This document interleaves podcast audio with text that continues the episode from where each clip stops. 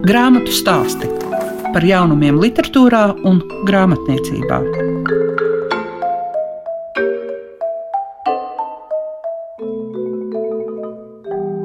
28. aprīļa vakarā atklājās daudzi ar Laligapu saistītie noslēpumi. Dažādi ir cilvēku reakcija uz to, kādi ir šie rezultāti, bet, eh, manuprāt, balvu saņēmēji ir to pelnījuši. Ja būtu laimes rats savādāks, arī gaviļnieki būtu citi. Kopvērtējumā jāsaka, ka vislielākais prieks ir par divām jaunajām balvām, kas ir tātad spilgtākais darbs literatūras zinātnē, ko par Rudolfa Blaumaņa pētīšanu saņēma Benedikts Kalnačs, un arī par to, ka šogad dzējas un prozas tulkojumiem ir atsevišķas balvas. Un te nu vislielākais prieks par Janas Vērdiņas veikumu, par Paula Cēlana Melnās pārslas. Šīs dienas raidījumā, ko veidoja Sliega piešiņa, jūs dzirdēsiet gan Janu Vērdiņu, gan arī debijas balvas saņēmēju, un tas ir Toms Deimons Bārvidis, kurš saņēma par fantāzijas romānu Zaļā dzīle. Grāmatu stāsti programmā Klasika. Mans sarunu biedrs grāmatu stāstos šodien ir Toms Demons Barvidis. Viņš ir tajā kategorijā, kas man liekas ir viscerīgākā, visnezināmākā debija. Un zaļā dzīle tas ir uh, fantāzijas romāns, kurš jau ir kļuvis par laureātu saistībā ar uh, pirmajām grāmatām. Tom, kā jūs vispār izdomājāt, ka jums ir jāraksta un vai kāds no konkursiem bija kā mudinājums rakstīt? Ideja, ka man ir jāraksta, man ir jau no agras bērnības, cik sevi atceros, cik mācīju rakstīt. Tik arī esmu rakstījis gan dzējoļus, gan pasakas par mājas kaķiem vai stāstus, iedvesmojoties no filmām un animācijas filmām, ko bērnībā skatījos. Un tā arī uzaugot, turpināju rakstīt. Nebija viens tāds konkrēts brīdis, kad es sapratu, ka man ir jāraksta. Tas bija kaut kas, kas ar mani organiski uzauga. Manuprāt, tāpēc, ka kopš agras bērnības esmu bijis arī ļoti kaismīgs lasītājs. Man šķiet tikai dabīgi, ka jebkuru mediju daudz patērējot, agrāk vai vēlāk rodas šī vēlme dot kaut ko pretī, nevis tikai patērēt. Un tā arī nonāca pie rakstīšanas. Konkrēti par šo grāmatu, par zaļo dzīvi. Tā bija ideja, kas man radās pirms kādiem pieciem gadiem. Sāku rakstīt, bet neilgi pirms beigām iestrēgu. Tad es Facebookā pamanīju reklāmu par eh, projektu bibliotēkas rīkoto konkursu jaunajiem rakstniekiem, un tam arī pieteicos, lai dabūtu šo motivācijas davu darbu pabeigt. Kur, piemēram, glabājas tās pasakas un stāsti, kas ir uzrakstīti?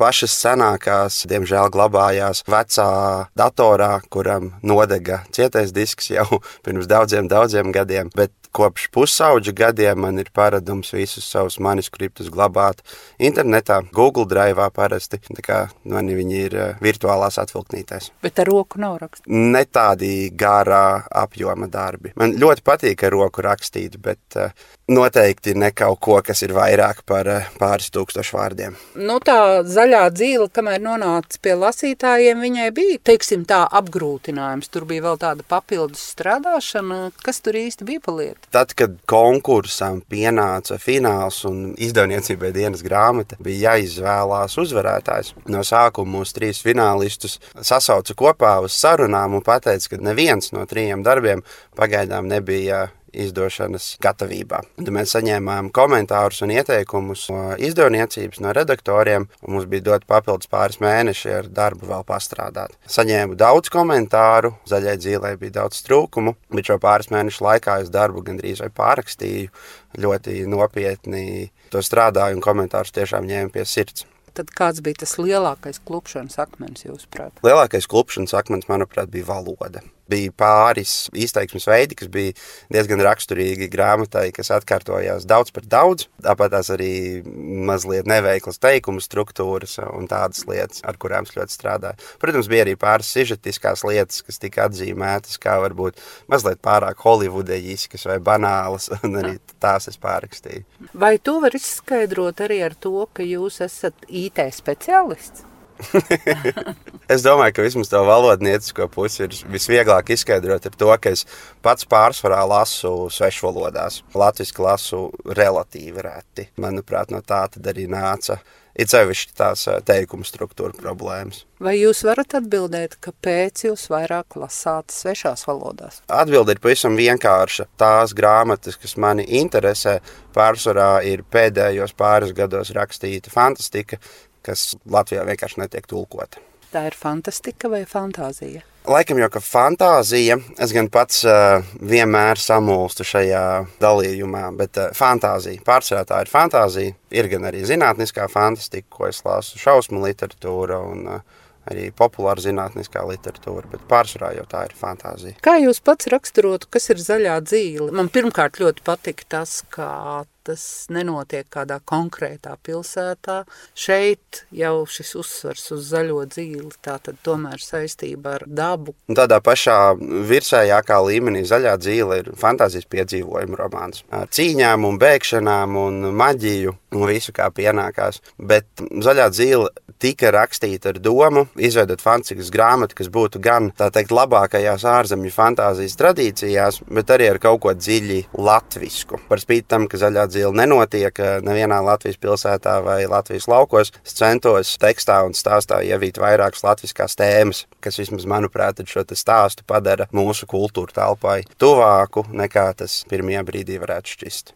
Piemēram, pamanāmākā lieta ir, ir tas valodnieciskais aspekts, tas, kādā veidā es saucu lielāko daļu no saviem tēliem. Ļoti iespaidojos no somugru valodām ar domu, ka šādi es atspoguļošu līvu valodu un līviešu kultūrālo pienesumu Latvijai. Tādi varoņu vārdi kā kaura, hauko, ērite, visi ir ar šo spēcīgo somugrisko skanējumu. Bet šīs latviskās ietekmes noteikti ar to neaprobežojas. Arī šis pasaules dalījums, kur ir zaļā dzīve, zīle, kas ir šis bezgalīgais mūža mežs, pretstatā pret sauso nepārāk auglīgo tīrumu, kurā dzīvo cilvēki. Tas manā prātā vienmēr ir spēlējies kā tāds meža māte, zemes māte, do. Tāpat arī šai pasaulē, kurā notiek stāsts, tā ir trīs dabīgie pavadoņi, trīs mēneši. Šie trīs mēneši, kā jau viegli pamanām, debesu spīdekļi ļoti daudz figurē arī tīrumā dzīvojošo tautu mitoloģijās, kur tie parasti tiek tulkotas kā trīs māsas, trīs saules meitas, un par šīm trīs saules meitām tautām ir eh, leģendas un dziesmas par kāzām ar trīs brāļiem,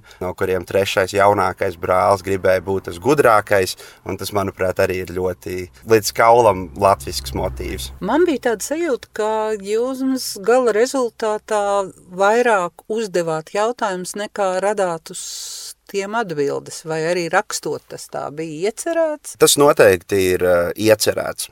Zaļā dzīve nav tā grāmata, kas uh, lasītājiem pateiks, kas ir pareizi un kāda bija tās uh, galvenā ziņa, ko tā mēģināja nest. Grāmatas doma būtībā ir mudināt lasītāju apdomāt šīs dažādas tēmas, kas stāstā figurē, gan kaut kādi ekoloģiskie jautājumi par cilvēku atbildību pret apkārtējo vidi, bet arī jautājumi par varu un par patiesību, un par to, kā reizēm arī šī pati patiesība nav nemaz tik melnbalta, kā mēs gribētu domāt. Vai mēs nenonākam arī pie atziņas, ka, ja nav ļaunā, tad nevar būt labais? Noteikti, jā. Šī morālā dualitāte grāmatas laikā tiek negluži iznīcināta, bet katrā ziņā tās eksistence tiek apšaubīta. Un, manuprāt, jūs ļoti pareizi sakāt, ja jau nav neviens tāds tīri ļaunais, tad jau arī tīri laba neviena nav. Vai rakstīšana tagad ir kā āķis lūpā? Jā, pilnīgi noteikti āķis lūpā ir un jau esmu sācis darbu pie zaļās zīles turpinājuma.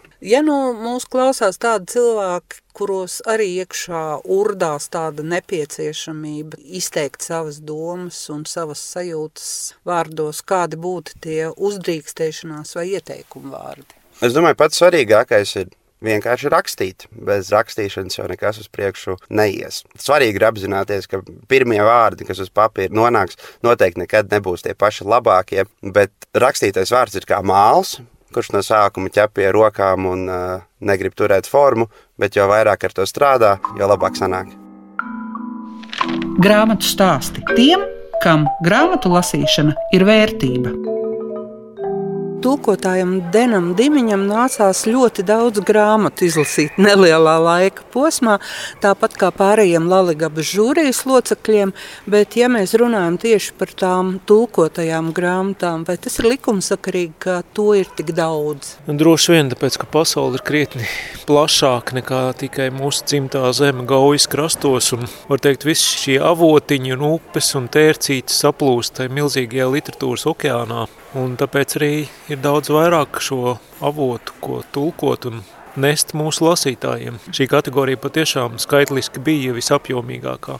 Un šogad iezīmēs arī tas, ka mums ir tāds kā Baltijas valstu vai Baltijas asamblējas balvas laureātu akcents, jo mums ir viens autors no Lietuvas, divi autori no Igaunijas, arī viens Soms, tātad mēs esam, kā teikt, tuvējā reģionā. Katrs šis darbs ir ar saviem nopelniem un ar savu unikālo skaistuma pienesumu tulkotās literatūras ainā.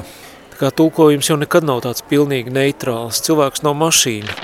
Kopsavilkumu par aizvadīto literārā gada devumu saistībā ar tulkojumiem izsacīja Laligabas eksperts tulkotājs Dens Dimiņš.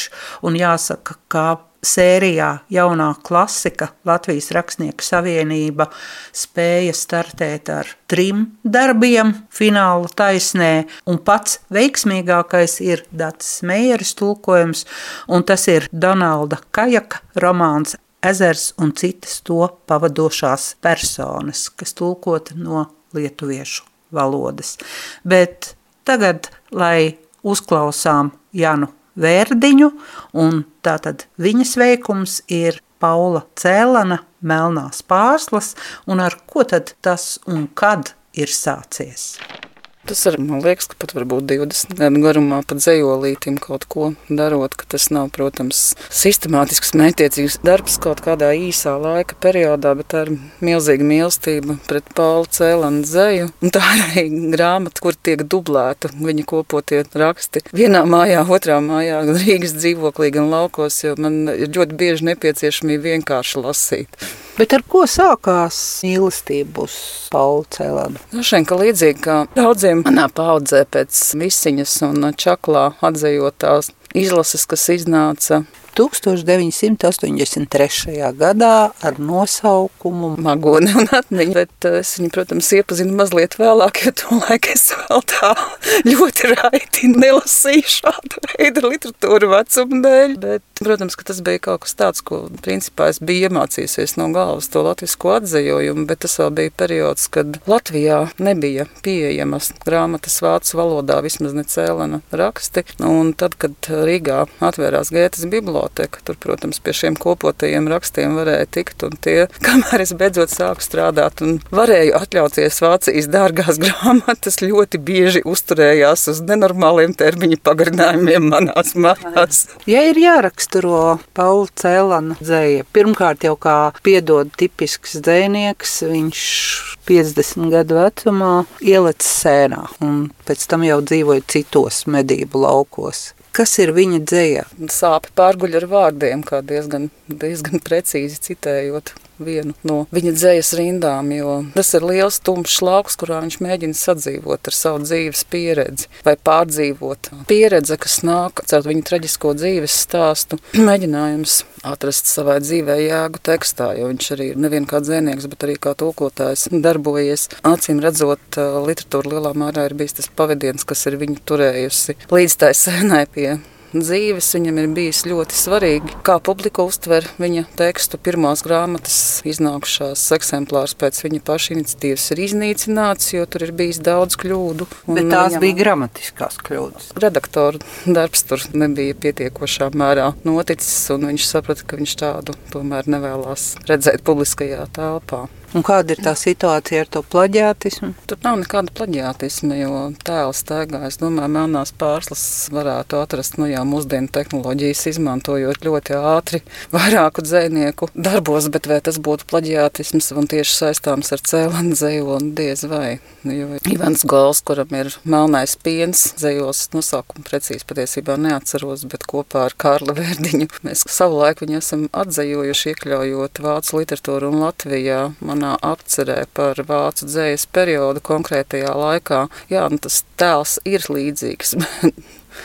melno agrumu pienu dzerām. Mēs bijām, ja es pareizi atceros no Magonas un atmiņas no, no tā dzējoļa rindu. Un, un tur tas ir mazliet savādāk, bet tas nav viens un tas pats. Protams, ka situācija ir līdzīga, bet tā ir līdzīga arī laika pieredze. Jo abi dzīvoja vienā laikā, abiem bija ļoti labi zināms, kas ir holokausts, kā notika cilvēku iznīcināšana, un tie tēli gauži loģiski varēja rasties kā vienam, tā otram. Kā tu domā, vai Pauls Cēlans varētu rakstīt arī kādā citā valodā, ne vācu. Viņš ir kaut ko mēģinājis rakstīt arī franču valodā.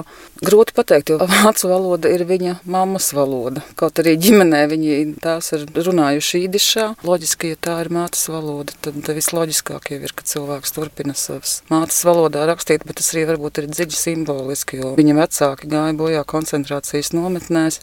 Viņiem izdevās izglābties, jo draudzene ieteica konkrētajā naktī slēpties un doties projām no mājām. Viņš mēģināja pierunāt uzrunāt savus vecākus. Māma teica, ka, lai viņš beidz muļķoties, ka nav iespējams, ka lielu skaitu cilvēku kaut kur kaut kā pēkšņi tagad deportēs, kaut kas notiks. Bet tieši tā bija tā liktenīgā nakts. Viņš atgriezās, vecāki bija aizvesti. Viņš visu dzīvi sev nevarēja piedot to, ka viņš nav palicis ar viņiem kopā. Viņiem likās, ka viņš ir vainojams tieši pie tā, ka nāvis nometnēs ir aizgājuši bojā abi vecāki, nepaliekot viņam mājās.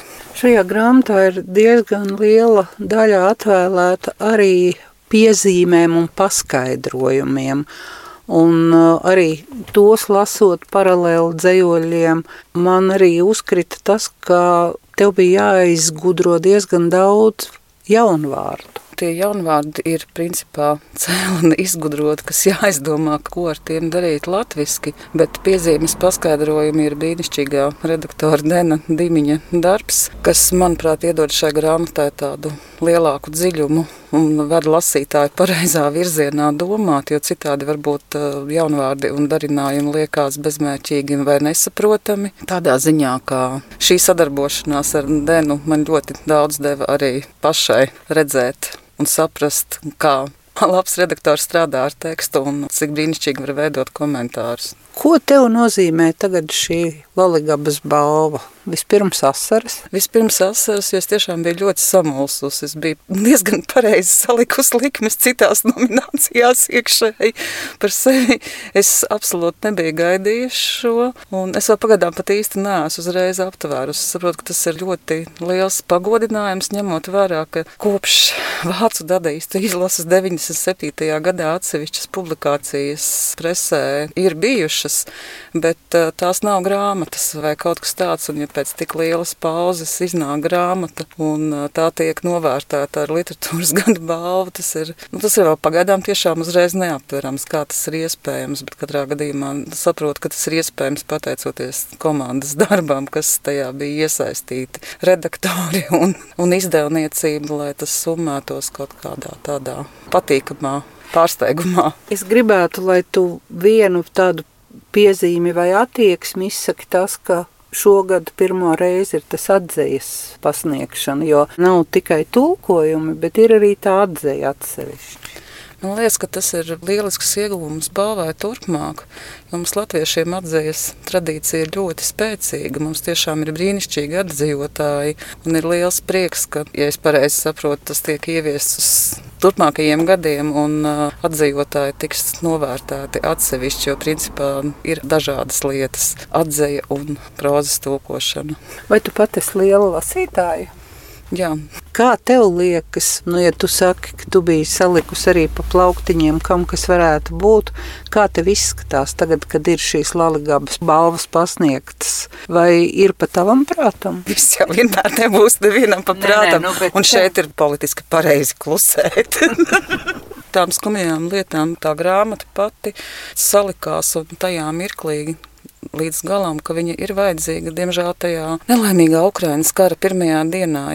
Es sapratu, ka es kaut kur esmu to redzējusi, un man pat pirmajā brīdī neslēdzās. Un tad uh, Melnās pārslas, kas arī ir izlases ievads zejolis, ir skarbi apzināties, ka nav pagājis nemaz ne tik ilgs laiks, kad situācijas atkārtojās. Tas tur tieši par tām Ukraiņas ārēm. Negaisa silē bārenes četras solaktis zemes, sēnots divišķā rakstveža arhīvs, dubļains Mihēls, dūņains Gabriels, sarūgus akmens zibenī upuru maize. Četros grāmatu stāstos mēģinājām kaut nedaudz iepazīt nominētās Laligabas grāmatas un domāju, ka šīs sarunas varbūt netik koncentrētā veidā turpināsies arī tālāk. Visu labu jums saka Liega Piešiņa. Grāmatu stāsti par jaunumiem literatūrā un grāmatniecībā ik trešdienu, 9.5. ar atkārtojumu Svētdien, 18.15.